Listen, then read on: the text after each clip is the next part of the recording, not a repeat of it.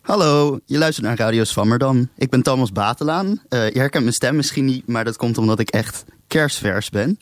Uh, het is mijn eerste aflevering en ik heb meteen maar alle goede raad in de wind geslagen. En een uitgebreide reportage gemaakt. Het gaat over uh, Hercules Segers. Dat is een etsenmaker uit de Gouden Eeuw met een soort twist. Gelukkig sta ik er in ieder geval live niet alleen voor. Want ik heb hier de lieftallige Emma van Venen voor mij. Emma, heb jij wel eens een reportage gemaakt? Ja, ik heb wel eens met Marie Beth vorig jaar een reportage gemaakt over vogeltellen. En Oh, toen waren we op een zaterdagochtend heel erg vroeg ergens bij het Diemerbos met allemaal vogeltellers. Met heel veel wind. Het was heel erg moeilijk op te nemen. Oh, maar het was wel heel erg leuk. Nou ja, goed. Dan sta ik er gelukkig niet alleen voor. Eh, we hebben natuurlijk ook een columnist, Bart van Herinkhuizen. Eh, jij, jij kent eh, Hercules Segers al een beetje. Ja, ik heb, eh, ik geloof, eh, eh, 39 jaar geleden met hem kennis gemaakt. Wauw, wauw. Ja, dat is in ieder geval al langer dan ik, want ik ben pas deze zomer begonnen. Nou, heel interessant figuur dus. Want hij, hij komt eigenlijk uit de Gouden Eeuw. Maar eh, ja, dan denk je natuurlijk allemaal soort van saai zwart-wit plaatjes eh, eh, met VOC-figuren erop. Het zijn ook etsen, dat maakt het ook niet makkelijker. Maar wat hij doet, is hij gooit er allemaal soort van bizarre donkere kleuren overheen. Waardoor het allemaal super mysterieus wordt. Hele, het zijn ook eigenlijk alleen maar landschappen, hele desolate landschappen. Soms een boom of twee. En ik vond het eigenlijk heel interessant hoe hij op een gegeven moment in vergetelheid is geraakt. En toen eh, weer herontdekt is. Dat noem je met een soort chic woord nachtleven. Dat betekent dat je, ja, dat is naleven. Dus je, eh, eh, je gaat bestuderen hoe een kunstenaar en hoe iemands kunst door de geschiedenis heen ontvangen is door verschillende mensen. Nou ja, daar heb ik dus een reportage over gemaakt met de geweldige kunstgeschiedenis-specialist eh, Mireille Cornelis. Die doet er onderzoek naar en die heeft zelfs een tentoonstelling gemaakt over Zegers. En eh, om te kijken hoe die nu nog doorwerkt met de componist Elmer Schoenberger. Eh, hij, hij schrijft ook heel veel over muziek. Maar hij gaat dus ook een stuk componeren over Hercules Segers. Eh, nou ja, ik zou zeggen, start de repo maar, maar in.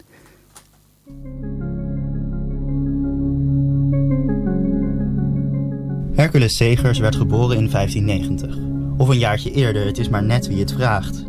Behalve zijn etsen hebben we weinig over van Zegers. We weten dat hij in zijn jeugd in de leer is gegaan bij de schilder Gillis van Koningslo. We weten ook dat Koningslo stierf toen Hercules 17 was. Wat er daarna gebeurde, moeten we aan elkaar knopen aan de hand van zijn prenten, latere geschriften en sumiere administratiedocumenten. In ieder geval heeft hij zich in de tijd na Koningsloos dood ontpopt als meester-etser. Waar hij dat geleerd heeft, weet niemand. Nou goed, ja, ik ben dus Mireille Cornelis. Ik werk momenteel eh, aan de Universiteit van Utrecht. Ehm, ik ben kunsthistoricus. Ik ben 28 jaar, dus ik ben nog niet zo heel erg lang afgestudeerd. Ehm, ik heb mij gespecialiseerd in eigenlijk twee gebieden, voornamelijk prenten en tekeningen 16e, 17e eeuw en eh, moderne grafische kunst. Ehm, en ik heb tijdens mijn eh, jonge carrière dat eigenlijk geprobeerd te combineren. En dat is ook een van de redenen dat wij hier dus zijn. Hoe je etsen maakt, dat weet ik ook niet. Maar Mireille Cornelis wel. Sowieso als je een prent wil maken, wat je nodig hebt is een koperplaatje. Ik heb er een voor je meegenomen. We horen hem.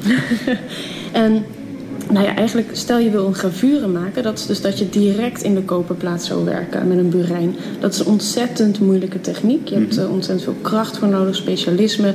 Eh, veel kunstenaars besteden dat dan dus ook uit aan andere echte plaatsnijders. Eh, maar wat het fijn is met een ets, is dat je dus niet direct op de plaat hoeft te werken. Dus wat je hebt, is je hebt een koperen plaat, zoals deze hier. En wat je dan doet, is je brengt een etsgrond daarop aan. En die etsgrond zou de plaat moeten beschermen tegen bijvoorbeeld zuur. Wat de kunstenaar vervolgens doet, is dat hij met een heel scherpe naald, een etsnaald, gaat hij een tekening maken. Dus je hoeft dus niet, als je dat doet, in het koper zelf te drukken, maar alleen op dat beschermende laagje. En dat kras je dan langzaam weg, maak je een klein tekeningetje. Nou, dan vervolgens, als dat gedaan is, leg je het in een zuurbad. En dat zuren, dat is het eigenlijke etsen. Dus het zuur bijt weg hetgeen wat jij dus weg hebt gehaald in die etsgrond. Dus je maakt gewoon een tekeningetje. Je kunt zelfs een beetje schetsen, een beetje knoeien en kliederen. En dat zuur doet het werk. Dus je hoeft niet met alle kracht in die plaat te gaan werken.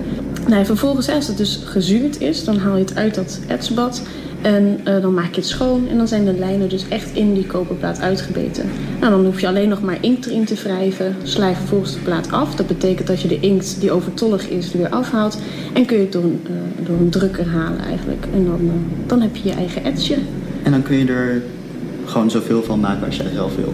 In principe wel, maar um, een, een ets is wel iets gevoeliger dan bijvoorbeeld een gravure of een houtsnede. Je kunt van een ets best prima 200 afdrukken maken. Uh, maar het hangt heel erg af hoe dik de lijn is, hoe stabiel die is en of je bijvoorbeeld ook droge naald hebt toegepast. Droge naald, zal ik je uitleggen. Dat is dus wanneer je met een etsnaald of een ander scherp voorwerp direct in de plaat krast. Maar dan hoef je dus niet te snijden, maar je krast. En als je krast, rult dat koper een beetje op. En daar blijft inkt aan zitten. Dus je krijgt als effect een heel mooie, zachte, doezelige lijn eigenlijk. En dat is droge naald. Uh, Rembrandt is heel beroemd bijvoorbeeld om zijn droge naald te uh, etsen. Um, dus die combinatie kun je doen. Maar als je, als je met droge naald bijvoorbeeld werkt... dan zijn eigenlijk vooral de eerste 20 afdrukken heel mooi. En daarna wordt het een beetje plat gedrukt. Dus is dat minder, minder mooi. In de 16e eeuw waren prenten heel populair. Omdat je ze kon reproduceren in tegenstelling tot schilderijen, had bijna elke middenstandsfamilie wel een album met prenten. Je kon ze overal wel krijgen, omdat ze zo veelvuldig gemaakt en gedrukt werden. Nu, in de 17e eeuw, wat dan meestal gedaan werd, is dat gewoon met zwarte inkt gedrukt werd op wit papier. Dat is eigenlijk hetgene wat je het meest ziet in de 17e eeuw. Maar je ziet meteen dat Zegers iets anders doet. Kijk, haal ik bijvoorbeeld deze prent erbij dan zie je dat dit niet gedrukt is op papier, maar op doek. Oh ja, een schilderijtje eigenlijk. Precies, ja.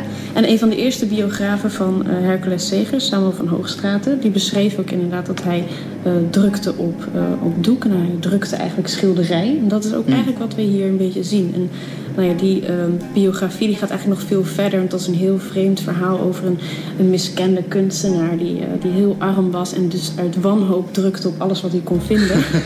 maar het is waarschijnlijk juist zo dat Zegers dit heel slim bedacht heeft. En dat hij echt op zoek was naar een, een, een soort van snelle productiemethode van Ja, dat verkoopt natuurlijk ook gewoon uh, heel goed. We zien het hier ook in het winkeltje. Dat al die soort reproducties op doek die gaan ook ja, heel hard. Precies, ja.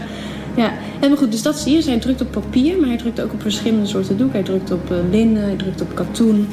Uh, ja, het lijkt inderdaad net alsof het was op alles wat hij kon vinden. nou, en dan als je dus die drie naast elkaar zet, dan zie je ook nog wat hij heel andere dingen doet. Namelijk, hij drukt niet gewoon met zwart op wit, maar hij drukt ook uh, met kleur. Dus hij gebruikt niet gewoon zwarte inkt, maar hij gebruikt ook verschillende soorten verven als, als drukinkt. Verschillende soorten kleuren. De ene keer drukt hij met blauw, de andere keer drukt hij met bruin. Uh, met roze heb ik ook al een keer gezien. Ja, het is meer een soort van rood eigenlijk, maar het verkleurt ook over de jaren. Ah, ja. um, dus dat doet hij en vervolgens werkt hij die prentjes ook nog op. Dus hij gaat met een penseel, maakt er echt een heel atmosferisch landschap van. Bijvoorbeeld als je naar een ander landschap kijkt dat ik hier heb neergezet, dan heeft Segers het zo opgewerkt dat het, dat is dus eigenlijk gewoon een prent. Maar hij heeft dus met penseel heeft hij de rotsformaties nog wat bruiner gemaakt. En hoe verder je in het landschap gaat, hoe blauwer het wordt. Echt een atmosferisch perspectief met een mooie blauwe lucht. En dan heb je eigenlijk in principe gewoon een soort gedrukt schilderij in je bezit. Ja, het doet me heel erg denken aan van die zwart-wit foto's uit zeg maar, het begin van de 20e eeuw die dan eigenlijk die dan ingekleurd zijn. Ja, dat ja. Je, zo, je ziet de donkere lijnen eronder en er zit een soort wat valere kleur overheen. Ja. Heel... Het werd op zich wel vaker gedaan in de, in de 17e eeuw of ook in de 16e al wel dat dus prentjes gedrukt werden en dat uh, echt professionele kleurders dat dus kleurden. Maar wat Segers dus doet, gaat een stapje verder. Hij doet alles zelf en hij probeert echt in kleur te drukken. En uh, als een bizarre is hij gaan experimenteren. Krijg je dan ook... Uh, dan krijg je zeg maar een uniek schilderij per Precies, schilderij. een unieke prent. En dat is heel bijzonder. Hij heeft dus elke prent zo bewerkt dat het een uniek werk is. En dat deed hij op verschillende manieren. Dus enerzijds door een verschillende ondergrond te hebben, dus op papier en op doeken. Anderzijds door verschillende kleuren inkt en verf te gebruiken bij het drukken. Vervolgens om het verschillende nog op te werken. Maar hij heeft nog meer gekke dingen gedaan. Wat hij ook wel heeft gedaan is namelijk het landschap zelf. Um, dus wanneer het eenmaal gedrukt is, het papier bij te snijden. Um, ik heb hier even geen extreem voorbeeld, maar je kunt het met deze drie al wel een beetje zien dat uh, ze eindigen niet exact op hetzelfde punt. Kijk, hier is een beetje rots weg. Hier is rots weg, wat je hier weer verder ziet. Dus op zo'n manier maakt hij elke keer ook weer een soort van nieuwe kadrering, als het ware, van zijn, van zijn landschap. Waardoor elk landschapje echt uniek is. Er zijn ook exemplaren bekend waar die gewoon bijna meer van de helft van de prent is weggesneden. Maar dan krijg je gewoon een nieuw werk. En dat is het, dat is het ja, bizarre aan zijn werk. Alles is uniek, elke prent. Ik heb hier uh, drie prentjes uh, voor je uitgezet. En dat wat we zien is eigenlijk een heel typisch landschap voor zegers. Uh, zoals ze zegt, hij maakte eigenlijk uh, vooral veel uh, rotslandschappen. Maar hij heeft ook al een paar stillevens gemaakt. Twee religieuze voorstellingen. Maar ook heel rustige, serene landschappen met bomen. Wat je hier bijvoorbeeld ook al eerder hebt gezien. Een heel leeg landschap met twee boompjes. Verder zie je niks. Maar hij is vooral beroemd geworden om zijn grillige rotsformaties. En daarvan heb ik er één voor je gelegd. Wat je dus eigenlijk bij zijn prenten meestal ziet. En ik uh, zal er even eentje pakken en naar voren halen. Kijken we dus naar dit landschap. Dat is heel typisch. Wat we zien is dat eigenlijk je blik in het landschap wordt eerst uh, geblokkeerd eigenlijk door andere grote rotsblokken. Soms dan staat er opeens een boom ervoor. Een, vaak een dode, omgevallen boom. Dus eerst wordt je blik in het landschap belemmerd. Maar vervolgens als je gaat kijken, dan kun je bijvoorbeeld een pad ontwaren. En als je hier heel goed kijkt, dan zie je een pad dat gaat verder het landschap in. Wanneer het verder het landschap ingaat, zie je eerst een grote vlakke met hier en daar een klein huisje. En die vlakte die is weer omgeven door die grillige rotsformaties. En het, is, het lijkt wel een soort doods landschap, er groeit bijna niks. Maar hoe beter je gaat kijken, hoe meer je ziet. Bijvoorbeeld, dit is echt heel bizar. Als je hier kijkt, wat zie je daar? Zijn dat, zijn dat mannetjes? Hele kleine mannetjes? Of? Ja, ja. Er zijn heel kleine mensfiguurtjes getekend. Wow. Hier staan er twee. Daar heeft eentje een stok vast. En die lopen iets verder het landschap in. Dus zij begeleiden eigenlijk jouw blik nog verder. Maar doordat het zulke kleine mensjes zijn, wordt dus die, dat landschap wordt dus nog immenser, groter en leeg.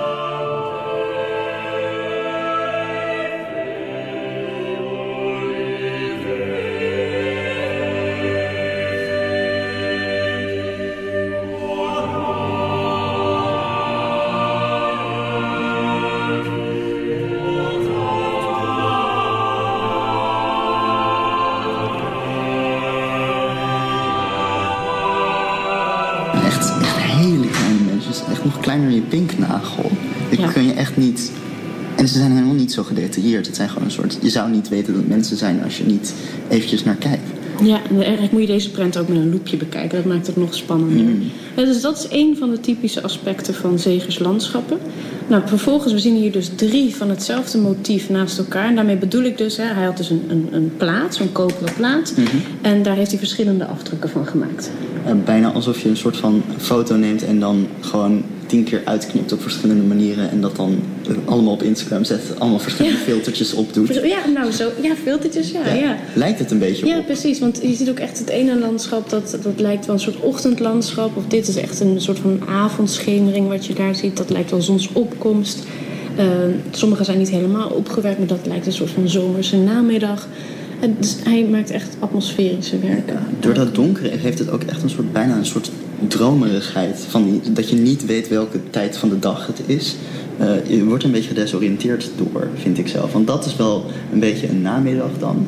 Maar dit soort landschap, is dat dan s'nachts? Is het s'avonds? Je kunt wel heel veel zien. Is het een soort night vision? Het is allemaal heel, heel bizar allemaal. Ja, je kunt je vast ook wel voorstellen dat de surrealisten zich heel erg voelden aangetrokken tot dit werk. Want bijvoorbeeld het landschap daar verderop, dat is eigenlijk gedrukt met eh, blauwe inkt. Uh, maar de achtergrond is een beetje roze, waardoor eigenlijk het hele geheel een soort van roze-blauwige uh, indruk maakt. En ja, dat is heel, heel vreemd. Er zijn ook afdrukken bekend die alleen maar blauw zijn. Dan heb je een hele blauwe print met een blauwe lucht, een blauwe achtergrond, een blauw opgewerkt. Alles blauw, blauw, blauw. Het is een soort van, ja, Max Ernst in, het, in de 17e eeuw toch? Ja, echt.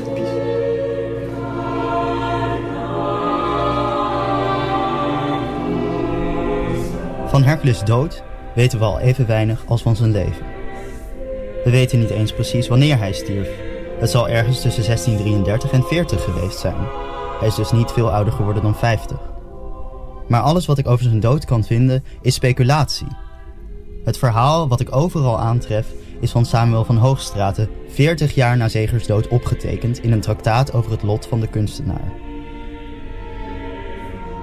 Zegers vertoonde een plaat als zijn uiterste proefstuk aan een kunstkoper te Amsterdam. Hij veilde het voor erg weinig geld. Maar wat gebeurde er? De koopman klaagde dat zijn werken geen waarde hadden, zodat de ellendige Hercules ontroostbaar met zijn plaat naar huis moest. En nadat hij een paar prenten daar had gedrukt, sneed hij die zelf aan stukken, terwijl hij zei dat er nog liefhebbers komen zouden die viermaal meer voor een afdruk geven zouden als hij voor de hele plaat had willen krijgen. En zo is het ook gebeurd. Want naderhand is er voor elke prent 16 ducaten betaald. En ze waren heel snel uitverkocht. Maar die arme Hercules had er niets aan. Want hoewel hij zelfs op zijn hemden en de lakens van zijn bed was begonnen te schilderen en drukken, hij drukte namelijk ook schilderij, bleef hij in uiterste armoede met zijn hele gezin. Zijn bedroefde vrouw klaagde uiteindelijk dat alles wat er van stof was in het huis verschilderd of verdrukt was. Dat nam de mistroostige Hercules zo ter harte dat hij ten einde raad zijn droefheid in de wijn wilde smoren. Op een avond had hij zich buiten zijn gewoonte beschonken, kwam thuis, viel van de trap en stierf.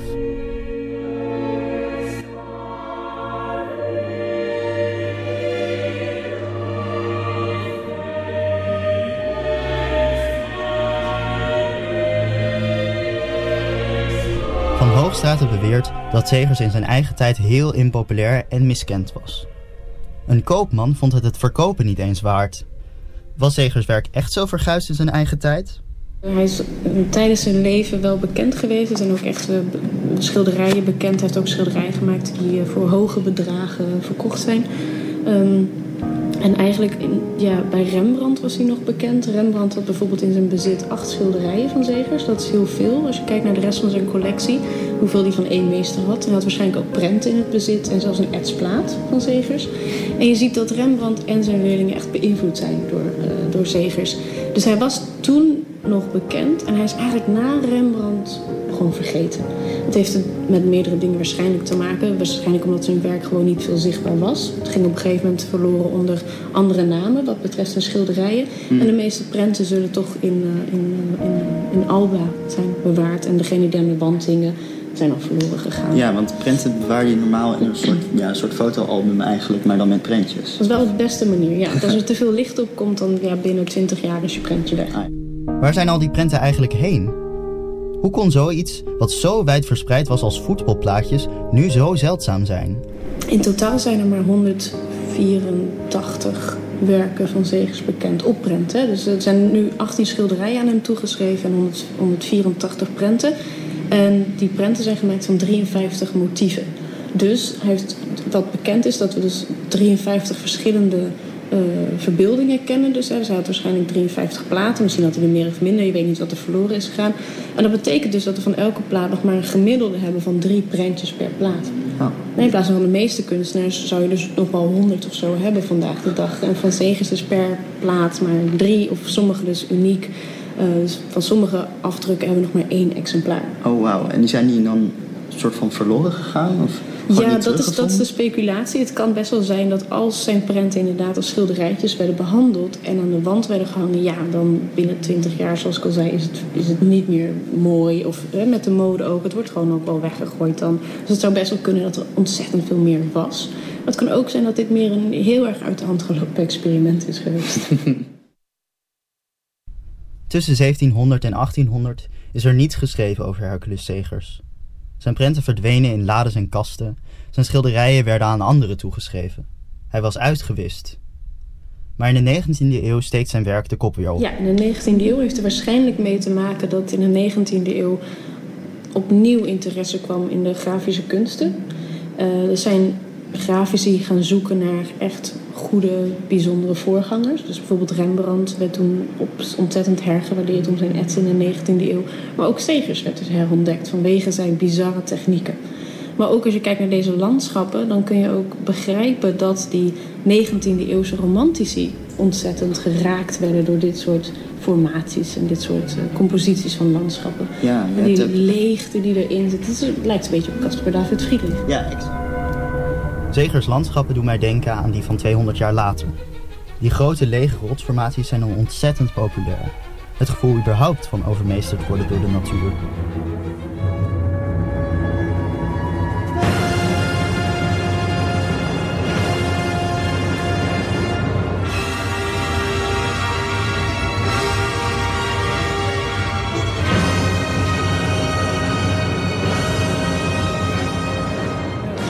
Bijvoorbeeld hier een prentje erbij pakken. Kijk, wat dus die romantische geest waarschijnlijk heel spannend vond aan mijn werk... is inderdaad dus die blokkades als het ware van rotsformaties. En dan zo'n weg wat je naar het landschap verderop in het uh, vergezicht brengt. Maar als je goed kijkt zie je dus ook hier niet alleen die grillige rotsformaties... maar ook bulderende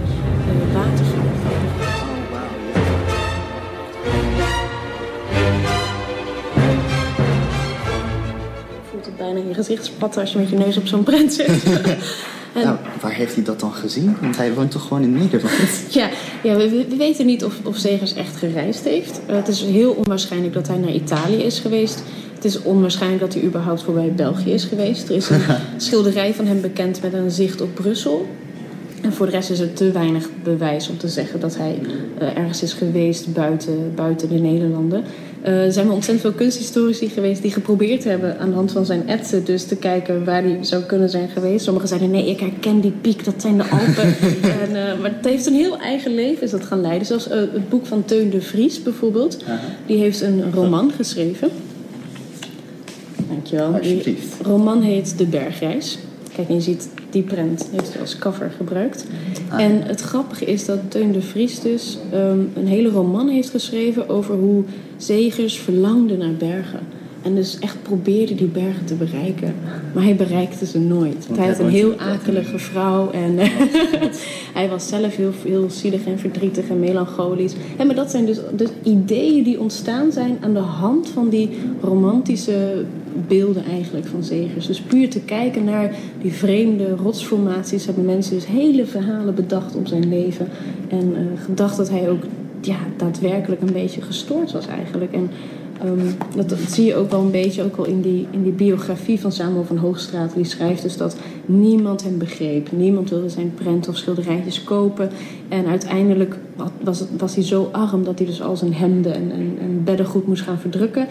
En hij was zo verdrietig dat hij ook zijn vrouw uh, zoveel, uh, zoveel verdriet aandeed... dat hij dus zijn toevlucht in de wijn vond. Oh, en, uh, dus, en uiteindelijk is hij dus tegen zijn gewoonte in, dat wel... is hij dronken geworden en is hij van de trap afgevallen en stierf. Van Hoogstraten's traktaat over de dood van Hercules Segers... toont een miskend genie het tragische lijden van de kunstenaar. Dat idee komt enorm op in de romantiek... en speelt nog steeds een rol in ons eigen beeld van kunstenaars. Van, van uh, een soort van prefiguratie van Van Gogh. Want we kennen dat niet zo compleet uit die tijd zoals Zegers beschreven wordt. Hè? Echt een miskend genie die pas na zijn dood erkenning vond. Ja. En Van Hoogstraten gebruikt dat om eigenlijk andere kunstenaars een hart onder de riem te steken. Zo van, doe je best, wie weet wat je na je dood nog wel bekend. Vandaar dat het natuurlijk in de 19e eeuw wel populair werd. Precies. dat narratief is echt heel erg, uh, de 19e eeuw is heel dramatisch, romantisch. Uh, ja, en het lijden van, lijden van de kunstenaar. Precies zo. In de 19e eeuw zie je ook dat bijvoorbeeld het leven van Michelangelo opeens, opeens helemaal omschreven werd als, als ook een miskend genie die eenzaam zat te werken. Niemand mocht hem storen. En, maar hij was geniaal. Nou, en dat, de Zegers past daar perfect in. Echt, hij paste perfect in het idee van modern kunstenaarschap. Zijn landschappen pasten in, in, de, in de romantische ideeën van die tijd. De technieken van zijn etsen waren mysterieus, net zo mysterieus als de man zelf. Dus hij paste daar perfect bij. En daarom zie je dus ook dat na die herontdekking in de 19e eeuw... dat opeens alle kunstenaars, maar ook dichters, uh, componisten, uh, filmmakers... dat ze met hem weglopen. Ja, en Samuel van Hoogstraten schreef ook dat hij dus die waardering uiteindelijk kreeg na zijn dood... zoals hij die ook verdiende en altijd zou verdienen. Mm. En dat is ook wat uh, veel kunstenaars later ook hadden. Die hadden het gevoel dat Zegers weer opnieuw de aandacht verdiende...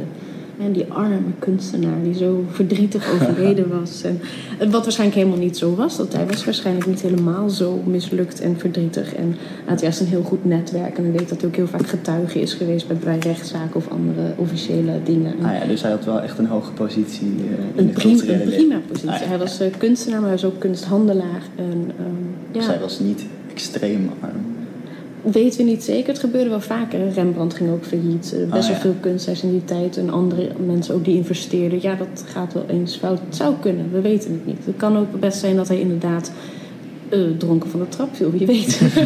maar dat weten we dus allemaal niet. Maar het leuke is dat dus door die biografie... en door die vervreemdende lege landschappen... mensen dus juist tot hem aangetrokken werden. Dus Ja, want het is eigenlijk ook een beetje een soort van verschrikkelijk, al die landschappen. Het is zo desolaat, zo eenzaam. Eh, maar goed, dat gevoel is dan misschien in zijn tijd een beetje ja, miskend of ja, niet super populair om lekker in je albumpje te plakken. nou ja, je kunt eigenlijk zeggen dat we altijd al romantisch zijn geweest. En uh, de, eigenlijk dan kun je ook wel zeggen dat in de 17e eeuw en ook de eind 16e eeuw was al wel een zekere liefde voor zulke landschappen. Bijvoorbeeld als je kijkt naar landschappen van, van Breugel bijvoorbeeld, of boslandschappen van Koningslo. Uh, er waren wel meerdere landschappen die zo leeg waren. Of tekeningen van, van Hendrik Goltzius. Um, maar Zegers neemt het een stapje verder. Ja. En in een tijd dat ook gewoon liefelijke, aantrekkelijke, appetijtelijke landschapjes in trek waren. Die je gewoon eigenlijk na je boodschappen als het ware kon kopen en mee naar huis kon nemen. En wat hij dan doet is, is hij gaat terug op die oudere Vlaamse tradities van uh, het weergeven van heel woeste berglandschappen met wandelaars daarin. Maar alles doet hij een tikje extremer. Aan het staartje van de 19e eeuw komt het eerste grote werk van Sigmund Freud uit, de droomduiding. Hierin introduceert Freud de cruciale aspecten van de psychoanalyse. Een manier om de onbewuste processen van de menselijke geest te ontdekken, soms door middel van dromen. De psychoanalyse heeft grote invloed op de kunst in de 20e eeuw, die ook op zoek gaat naar dat onderbewuste. Automatische kunst wordt bijvoorbeeld populair. Dat betekent dat je zoveel mogelijk probeert te doen wat je geest je ingeeft, zonder te filteren of dat wel klopt met de werkelijkheid. Die psychologische blik heeft ook invloed op hoe je naar oudere kunst kijkt. En natuurlijk zijn Zegers bizarre prenten heel gretig geanalyseerd. Met name de Eds landschap met scheepstakkelage is hier vruchtbare grond voor. We kijken nu naar een prent, uh, heel bizarre prent van weer een ronslandschap, maar met allemaal een soort van rare lijntjes eroverheen. Een soort, schip, soort schip of zo. Een soort scheepsboeg bijna. Klopt, ja. Wat je hier ziet is eigenlijk inderdaad een, een typisch Zegeriaans landschap. Dus we zien weer rotsformaties in de voorgrond, waardoor je niet direct het landschap in kunt kijken. Maar vervolgens een vergezicht met in de verte een meer waar echt een enorme waterval weer naar beneden stort. Je ziet in, in het dal een heel klein molentje. Wat een gekke plek is voor zo'n molentje. Waarschijnlijk kan die nooit een zuchtje wind vangen.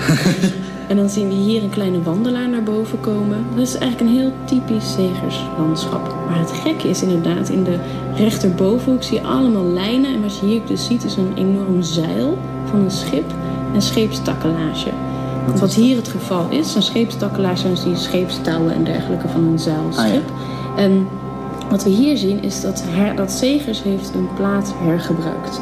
Hij had waarschijnlijk een veel grotere plaat uh, waarop een groot schip te zien was blijkbaar was hij niet zo tevreden met dat schip en heeft hij volgens de plaat in stukken gesneden. En vandaag de dag kennen we nog drie uh, motieven waarin een stukje schip zit. Dus dat kun je ook wel een beetje soort van in elkaar passen en dan heb je een stukje schip. en het meest grappige wat ik hiervan vind is dat ook Samuel van Hoogstraten schreef dat uh, Zegers was dus een miskend genie. Hè? En hij mhm. ging met een heel mooie plaat ging die naar een, uh, een, een drukker om dat te verkopen. En ach, wat wilde nou, zegt, uh, zegt Samuel van Hoogstraat. Niemand wilde het kopen. Ze wilden zelfs de koperwaarde niet betalen van zijn plaat.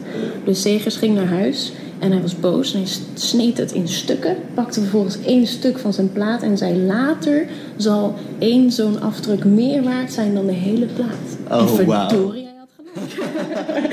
Dus dat is een heel romantisch mooi verhaal. Maar je ziet dus echt dat hij een plaat heeft, uh, een stuk heeft geschreven en heeft hergebruikt. Maar wat doet hij dus? Normaal gesproken bij zo'n koperplaat kun je je foutjes en dergelijke kun je gewoon weghalen. Je kunt het eruit schrapen, vervolgens weer polijsten en je hebt gewoon weer een plaat die je kunt gebruiken. Zegers doet dat niet. Hij laat het gewoon staan. En soms kan ook een, een, een scheepstakkelage opeens een boom worden of iets anders. En hier laat hij het gewoon een beetje zweven in het landschap. Waardoor het net lijkt uh, alsof het inderdaad een soort van surrealistisch landschap is. Ja, alsof het een soort, alsof een soort droom is. Er is gewoon een heel, ja, voor Hercules Zegers normaal wel een beetje bizar landschap. Met een soort enorm gevaarte in de lucht. In een soort schets, op een soort schetsmanier weergegeven. Heel, heel raar. En het, dat heeft hij dan niet weggehaald. Dat had hij dus gewoon kunnen doen. Ja, waarschijnlijk wel. Ja. En dat heeft hij dus laten staan. En daarom is dit ook een prent geweest die ontzettend veel invloed heeft, heeft gehad op, uh, op schrijvers, op dichters. Maar ook bijvoorbeeld op Werner Herzog, de filmmaker. En um, ook bijvoorbeeld eh, Willem Vrenger, daar hebben we ook een boek van meegenomen. Die ehm, heeft heel veel geschreven over zegers. Zoals ik had gezegd, die heeft dus geprobeerd het leven van zegers eruit te halen. En dat heeft ook veel navolging gehad, ook onder surrealistische schrijvers. En één surrealistische auteur, uh, Karl Einstein, die heeft deze prent zo geïnterpreteerd dat Zegers was volgens hem gevangen als het ware in zijn eigen landschappen. En dat kleine wandelaartje dat je hier ziet met een stok. Hij zegt dat is geen stok, dat is eigenlijk ook een touw dat verbonden is aan dat schip. En dat is Zegers manier om te ontsnappen uit zijn eigen gevangenis. Wauw. Zo vergaande interpretaties. En dus daarom, je kunt je voorstellen dat kunstenaars als Max Ernst uh, en nog veel anderen, dat die echt hierdoor geraakt werden. En dus ook dichters. En, um, dichters hebben hier, meerdere dichters hebben hier gedichten over geschreven, over die combinatie van rotslandschappen en scheepstakkelage. Bijvoorbeeld is de dichter Hans Faveri, die heeft een gedicht geschreven over exact deze prent. En uh, dat hebben we ook meegenomen, dat gedicht. Ja, zal ik dat even voorlezen, gewoon uh, voor de luisteraars thuis? Graag. Rotslandschap met scheepstakkelage. Wat moet de plaatsing hier van een windmolen? Scheepstakkelage zonder schip speerdrager met speer. Twee regels verwijderen, verwijderd. Ik kan de scheepswrakken ruiken. Vijf voor de schrappen, geschrapt. Ooit zo geschonden? Ja, antwoordde ik. Ooit zo geschonden. Dankjewel. Ja. Nou, wat, wat ik dus zo bijzonder vind aan dit gedicht is dat Favi was sowieso echt geraakt door de etskunst van Zegers. En op een gegeven moment ontmoeten ze elkaar eigenlijk. Faverij die gebruikt de leegte van het blad echt als onderdeel van zijn, van zijn poëzie. En Zegers doet dat soms ook. De leegte van die landschappen is even belangrijk als hetgeen dat gevuld is. En dus de, de leegte boven die enorme rotsformaties die onderstrepen nog eens de eigenlijke verborgen leegte als het ware in het landschap. Met die kleine poppetjes die daar dus aan het dwalen zijn. En wat hij hier doet is hij dicht hier, Faverij, die dicht hier alsof hij ook aan het etsen is. Hè? Dus hij, hij zegt ook dat hij, het gedicht heeft meerdere versies. En op een gegeven moment uit de eerste versie schrapt hij regels. En het leuke is dat hij dus in het gedicht die regels geschrapt heeft, maar noemt dat hij die geschrapt heeft. Dus hij zegt hier bijvoorbeeld eh, speerdragen met speer. Dat gaat dus over die wandelaar in dit landschap met een stok. En dan zegt hij twee regels verwijderen. Verwijderd. Dus hij laat hetgeen dat hij verwijderd heeft, als het ware, toch zien. En dat doet Zegers ook. Zegers hergebruikt eerdere motieven. Faverij hergebruikt eerdere motieven. En dat is echt een nieuw hoofdstuk ook eigenlijk in die zusterlijke relatie tussen de dichtkunst en de, de schilderkunst en de nou, etskunst in dit geval. Hè. Dus dat een kunstenaar en een dichter elkaar over die eeuwen heen ontmoeten en dat de dichter gaat dichten als ware hij aan het etsen was. En nou, dat was voor mij echt een, een geweldige ontdekking om zo te, voor mezelf dan om zo te vinden. Ja, je ziet ook in dat gedicht zie je ook gewoon twee witregels, waar er dus eerst regels stonden. Heeft hij gewoon het laten staan dat er iets had moeten staan. Maar hij heeft, de, hij heeft, heeft niet, uh, het, het is niet één gedicht aan elkaar, maar er zitten een soort van gaatjes in, een beetje zoals er zo'n schip, soort van soort spookschip boven dat landschap zit. Van, het is weggehaald, de prent bestaat niet meer, maar we hebben het wel laten zitten. Dat is Precies. ook wat er zo enorm, wat je er zo intrekt. Dat je er dus, je ziet Hercules Zegers aan het werk, wie hij ook mogen zijn. Ja, nee, maar je hebt helemaal gelijk. Je ziet Zegers echt aan het werk. Hij heeft ook heel veel prenten waarbij je uh, nog sporen ziet van mislukkingen. Hij uh, probeert af en toe zijn etsnaald uit of hij uh, speelt met het zuur en het gaat een beetje fout. Of de af, het afdekvernis was toch niet zo goed als had moeten zijn. Nou, dat gebeurt wel vaker. Natuurlijk gaat het wat mis als je aan het etsen bent. Want ja, het is heel veel toeval. Hè? Hoe lang laat je iets in het zuur liggen? Hoe diep gaat dat het uitbijten wel of niet? En de meeste kunstenaars, als er zoiets misgaat of ze proberen even een naald uit, dan halen ze dat later weer weg. dat polijsten ze netjes. Of voilà, je hebt een heel mooi, mooi zwart-wit prentje zonder foutjes. Maar zeggen ze niet, die omarmt die fout en hij laat het gewoon zien. Zo zijn er ook landschappen. Ik zal je zo meteen even laten zien. Zo is er ook een landschap waarbij je dus een, je ziet dan weer zo'n heel grillig rotsformatie. En dan opeens in de lucht lijkt het alsof er een enorme zon is. En, of een maan misschien. En ja, je denkt, wat is dat nou? Je ziet dat het niet getekend is door lijnen. Maar het lijkt daar tot toeval daar te zijn. Maar het brengt echt iets extra's naar het landschap toe. Maar wat is daar nou gebeurd? Die, die zuurbestendige laag was niet goed genoeg. En het zuur heeft een cirkeltje uitgebeten. En in plaats van dat dus weg te halen, laat Zegers het staan. En wordt het een onderdeel van zijn landschap. Dus hij laat het toeval toe in zijn werk. En dat is iets wat je echt pas in de 20e eeuw ziet. Bijvoorbeeld bij kunstenaars als Max Ernst of nou ja, noem maar een paar andere surrealisten. Die maken ook gebruik van het toeval. En toen zij dus ook werken hebben gezien van Zegers, nou, dat, dat is alsof je een broeder ontmoet, uh, zeg maar, die eeuwen voor jou is geleefd. En die begrijpt wat jij aan het doen bent. Weet dat, zo voelen de meeste kunstenaars zich ook. Ze voelen zich begrepen door iemand anders. Ze zijn niet meer alleen. Zoals bijvoorbeeld Werner Herzog, filmmaker, heeft dat ook zo gezien. Hij voelde zich alleen, hij zag het werk van Zegers. En hij had het gevoel, zei hij, dat een broer hem aanraakte. Dat hij een hand op zijn schouder legde, zodat hij wist, ik ben niet meer alleen. En dat is Zegers, die invloed gaat heel diep.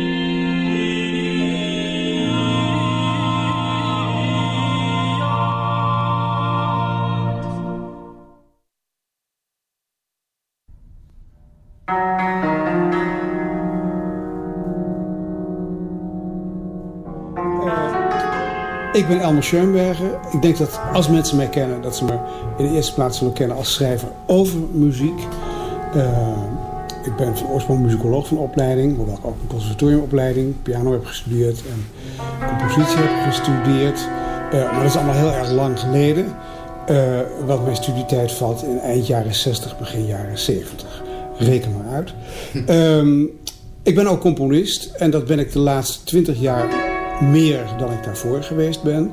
En werk, heb nu elk, eigenlijk altijd wel een stuk uh, onder handen. Um, nou, is dat voldoende informatie? Dit is dus Elmer Schoenberger. Hij gaat een stuk componeren over zegers. ik werk aan een stuk dat uit acht delen gaat bestaan. En ik heb elk van de acht delen opgehangen aan een van de uh, etsen. Uh, en die keuze heb ik op mijn ruggengraat gemaakt. Uh, er moet een soort afwisseling zijn. meer en minder kleur. Uh, ik, heb, ik, heb, dat niet, niet, niet, beredeneerd. Ik heb dat op mijn ruggengraat gedaan. En op een gegeven moment heb je zoveel plaatjes. Nee, dan zou die beter zijn, die beter zijn. En uh, uh, bij de, het gedicht van Hans Favri, dat gaat over één specifiek werk. Daar moet natuurlijk dat werk bij. Um, ja, en, zo ben ik tot, een, een, een tot, deze acht... een paar beroemde ook erbij, die ook uh, mensen die misschien wel minder bekend zijn met het werk... Uh, die kans maken om er bekend te worden. Overigens de Larix, dat is echt een, een, een, uh, een prent die ook heel veel gekopieerd is. En ook tot heel veel nieuw werk heeft geïnspireerd. Die mocht niet ontbreken. Kunt u daar misschien specifiek iets over zeggen? Wat ja, die, dat is en hoe het ja, ziet? Die, die Larix is... Ik vind hem...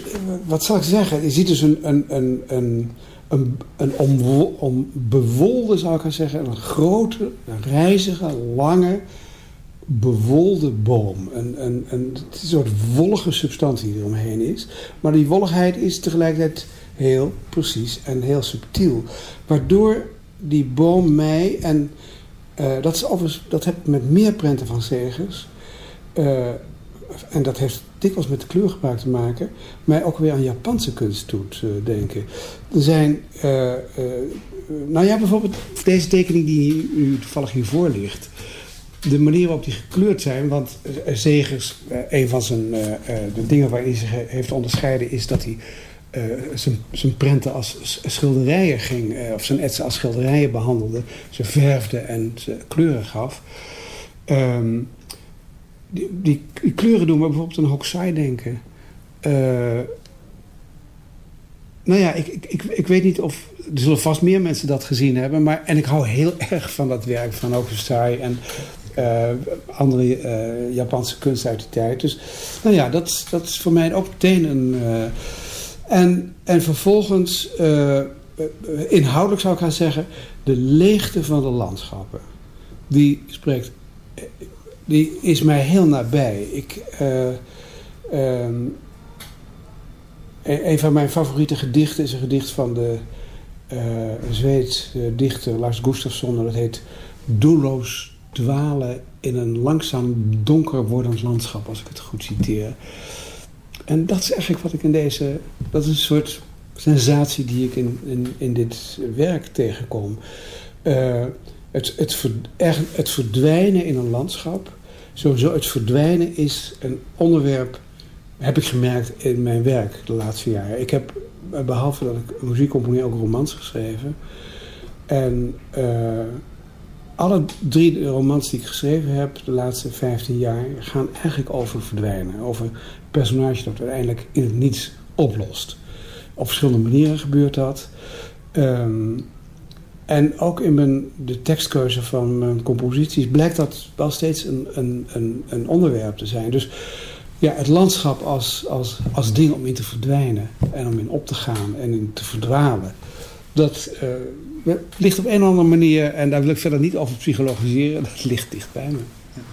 Hoe, hoe behandel je dit werk, dit soort landschappen, behandelen jullie die expliciet in je muziek? Of ja, dat is een, een, een, uh, een, vraag waar ik natuurlijk eerder mee te maken heb gehad toen ik het, een, stuk over Giacometti maakte. Uh, want hoe, hoe, ga je proberen wat je ziet te vertalen in muziek? Um, nou, ik heb daar natuurlijk al een tijd over nagedacht. En ik denk dat je daar heel terughoudend in moet zijn. Dat is snel, wordt dat heel erg naïef. En, en, uh, dus doe, dat, doe dat niet. Probeer uh, vertrouw op je affiniteit.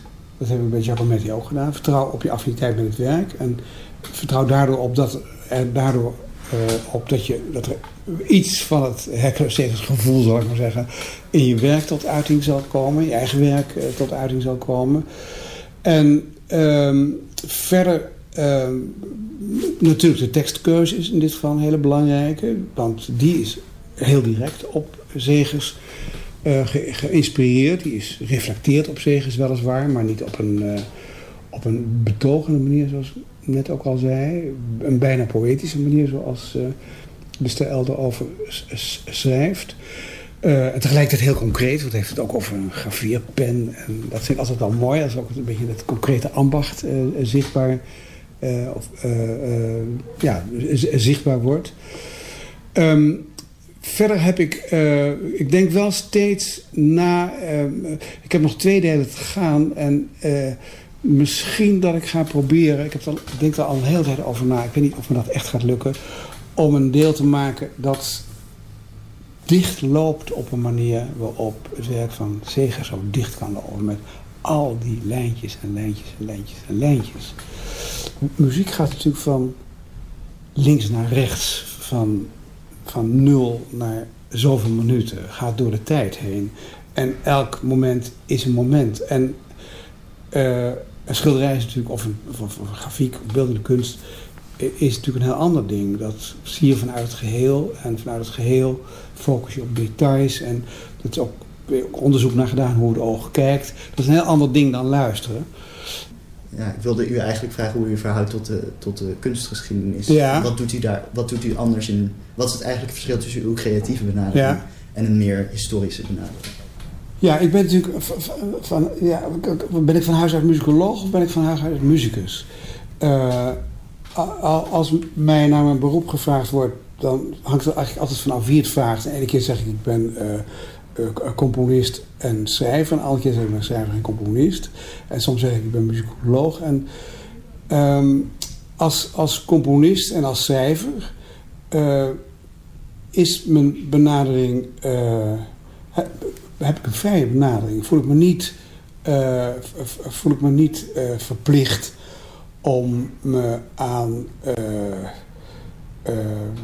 filologische, uh, correcte uh, details te houden.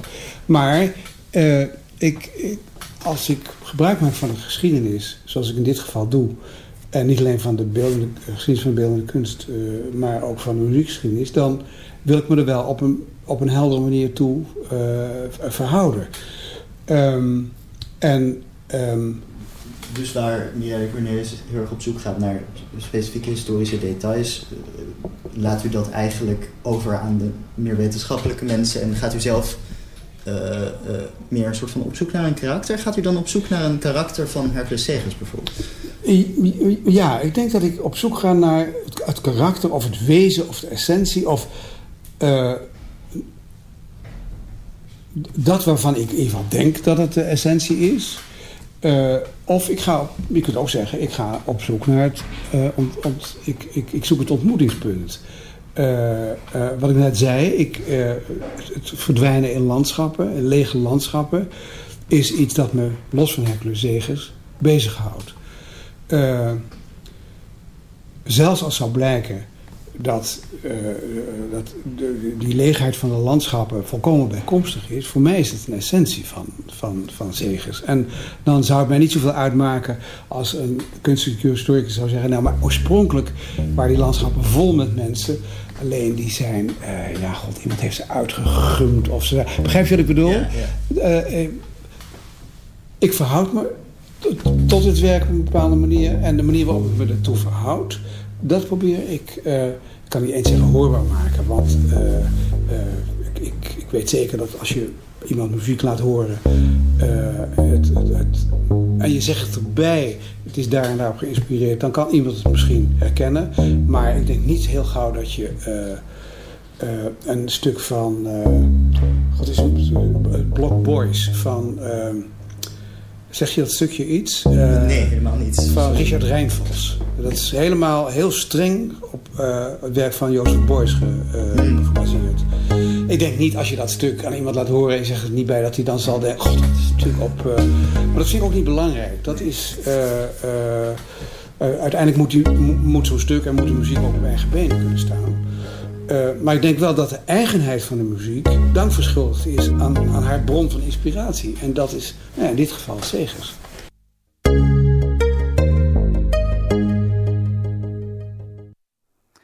Nou, uh, dat was de repo van mij, Thomas Batelaan. Ik ben hier in de studio met Emma van Venen en uh, Bart van Herikhuizen. hebben jullie opmerkingen? Nou, Mooie reportage. Heel mooi. En vooral dat we ondertussen stiekem de hele tijd allemaal kunstboeken aan het bekijken waren. Waarvan we vast nog plaatjes ergens op zullen zetten later. Ja, dat is wel de bedoeling. Uh, ik zou in ieder geval zeggen, Google nu alvast naar Hercules Segers. Als je dat nog niet gedaan hebt. Het lijkt me heel onwaarschijnlijk dat je dat nog niet hebt gedaan. Maar Bart uh, van Herinkhuizen, heb jij, jij hebt een column geschreven. Uh, en, ja, die, en die ga ik voorlezen. Ja, doe dat maar. Een paar jaar geleden werd ik uitgenodigd om toe te treden tot het kleine groepje mensen dat bij Tourbeurt in dit programma, Zwammerdam, een zogenaamde column mag voorlezen. Ik vond dat een hele eer en dat vind ik nog steeds. Wat de luisteraar misschien niet weet, is hoe het onderwerp van de uitzending en de expertise van de columnist door de redacteuren bij elkaar worden gebracht. Dat gebeurt namelijk helemaal niet. Aan het begin van het seizoen stelt de eindredacteur een schema op de columnisten laten weten of ze op de voorgestelde zondagen beschikbaar zijn. En niemand heeft enig idee van wie bij welk onderwerp terecht zal komen. Vaak zijn de thema's dan nog helemaal niet bekend. Zo kon het gebeuren dat ik werd ingepland bij twee geologen die alles wisten over de bodemschatten van de maan. Als socioloog kon ik daar niets aan toevoegen, maar gelukkig kon ik het hebben over samenzweringstheorieën volgens welke er helemaal nooit mensen op de maan zijn geweest. De geologen keken mij erg verbaasd aan. Soms ligt het onderwerp in het verlengde van je eigen proefschrift. Dan heb je een makkelijke zondagmorgen. Maar een enkele keer is het een match made in hell. En dan kan de columnist altijd nog een tekst voordragen over iets dat niet in de uitzending centraal staat, maar waar hij zich bijvoorbeeld heel boos over heeft gemaakt. Dat tegenwoordig sociologie bachelor in het Engels wordt gegeven, van A tot Z, bijvoorbeeld. Maar goed, met deze uitzending is het heel anders gegaan. In juli had Thomas Batelaan al laten weten dat hij zijn eerste uitzending voor Zwammerdam wilde wijden aan Hercules Segers. En toen de redacteuren, in het bijzonder Emma, mij dat vertelde tijdens een zonnige picknick in het Vondelpark, riep ik met enige hartstocht: Oh, alsjeblieft, mag ik dan de column uitspreken? Want ik ben zo'n bewonderaar van het werk van Hercules Segers. En vandaar dat ik hier nu zit. Ik weet nog precies de dag en de plek waarop ik Hercules Segers voor het eerst onder ogen kreeg en door zijn werk werd overweldigd. Blown away, zeggen ze in het Engels. En zo voelde dat ook aan, alsof ik omver werd geblazen. De datum was zaterdag 5 januari 1980 en de plek was Blackwells in Oxford. Er was namelijk in dat stadje een tweedaagse conferentie georganiseerd onder de titel The Civilizing Process and Figurational Sociology. De wereldberoemde socioloog Norbert Elias was een van de aanwezigen. Anthony Giddens was er ook. En ik ontmoette er de godsdienstsocioloog Brian Wilson. Op de middag van de eerste dag vond ik de sprekers niet erg interessant. En ik sloop weg uit de congreszaal en maakte een wandeling door het steenkoude Oxford in de heldere winterzon. Dat was een ernstige fout. Want later hoorde ik dat ik dankzij mijn gespijbel een belangrijke discussie was misgelopen. Terwijl het debat aan de gang was, stond ik op de kunstboekenafdeling van een van de mooiste boekwinkels op aarde, en dat is nog altijd het geval, Blackwell's Bookshop. Ik pakte wat boeken uit de kast, wierp een blik op de tafel met recente uitgaves, en toen viel mijn oog op een boek dat enkele maanden eerder verschenen was, in 1979 dus, en dat was het boek Hercules Segers, geschreven door John Rowlands, die toen de conservator was van het prentenkabinet van het British Museum. Het bevatte 40 reproducties in kleur van de kleurenetsen van Segers en nog eens 75 afbeeldingen in zwart-wit. Ik ben van die dag, 39 jaar geleden, nu bijna alles vergeten. Maar het moment dat ik begon te bladeren in het boek van Segers Edson is in mijn geheugen gegrift. Ik stond als aan de grond genageld. Een metafoor die zich niet goed verdraagt met de uitdrukking blown away. Maar toch klopt het wel. Het gebeurde namelijk allebei, tegelijkertijd. Er was het ogenblikkelijke besef dat ik iets had gevonden dat de rest van mijn leven bij me zou blijven. Dat me troost zou bieden. Waarop ik vanaf deze dag altijd zou kunnen terugvallen. Wat ik niet voelde was, dit heeft altijd al bestaan en waarom wist ik dat niet? Waarom heeft niemand mij dat verteld? Wat ik voelde was eerder het tegendeel. Ik heb eigenlijk mijn hele leven al geweten dat dit er was en nu zie ik het in het echt. Een paar jaar later kwam ik in het eerste hoofdstuk van De Omweg naar Santiago van Cees Notenboom een zinnetje tegen dat me herinnerde aan mijn kennismaking met Hercules Segers. Dit is waar ik over ga. Ik betaalde voor het boek 15 pond, wat toen 75 gulden was. En een uur later nam ik weer braaf plaats in de conferentiezaal naast mijn collega Bram van Stolk. En toen gebeurde er iets dat ik me ook nog precies herinner, omdat ik er zo verbaasd over was. Bram van Stolk, die helaas niet meer leeft, was een hele knappe en gevoelige socioloog met een erudite kennis van de schilderkunst. Toen de ene spreker plaats maakte voor de andere, haalde ik mijn aanwinst uit mijn tas en liet het boek vol trots zien aan Bram. Hij bladerde het vluchtig door, gaf het me terug terwijl hij fluisterde: Ja, mooi, Hercules Zegers. Ik begreep er niets van. Waarom moest Bram niet naar adem happen? Waarom viel hij niet van ontroering van zijn stoel? Deze ervaring heb ik vaak later ook opgedaan. Er blijken veel mensen te bestaan die niet snappen wat je ziet in die gekleurde plaatjes van lege landschappen. En het blijkt ook niet goed uit te leggen.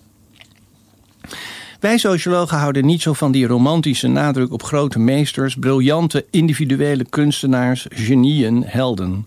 Wij wijzen erop dat ook de grootste vernieuwers deel uitmaken van collectieven, dat ze elkaar beïnvloeden, scholen vormen, gefinancierd worden door kapitaalkrachtige mecenas, ze anticiperen op de reacties van hun publiek, dat ze soms verwennen en soms hooghartig verachten. Kortom, dat ze deel uitmaken van netwerken.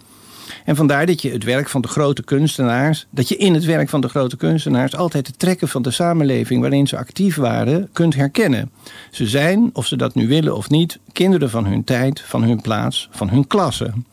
De Duitse landschapsschilders die begin 19e eeuw met hun schildersezel de natuur introkken om woeste bergmassieven en liefelijke valleien vast te leggen, hoorde bij een snel industrialiserende en urbaniserende samenleving waarin die natuur al flink werd teruggedrongen.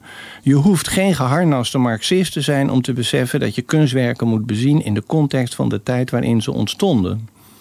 Het bijzondere van Hercules Segers is dat hij lijkt weg te glibberen uit die categorieënstelsels van de sociologen. De kenner ziet ongetwijfeld dat zijn werk moet zijn ontstaan in de eerste decennia van de 17e eeuw.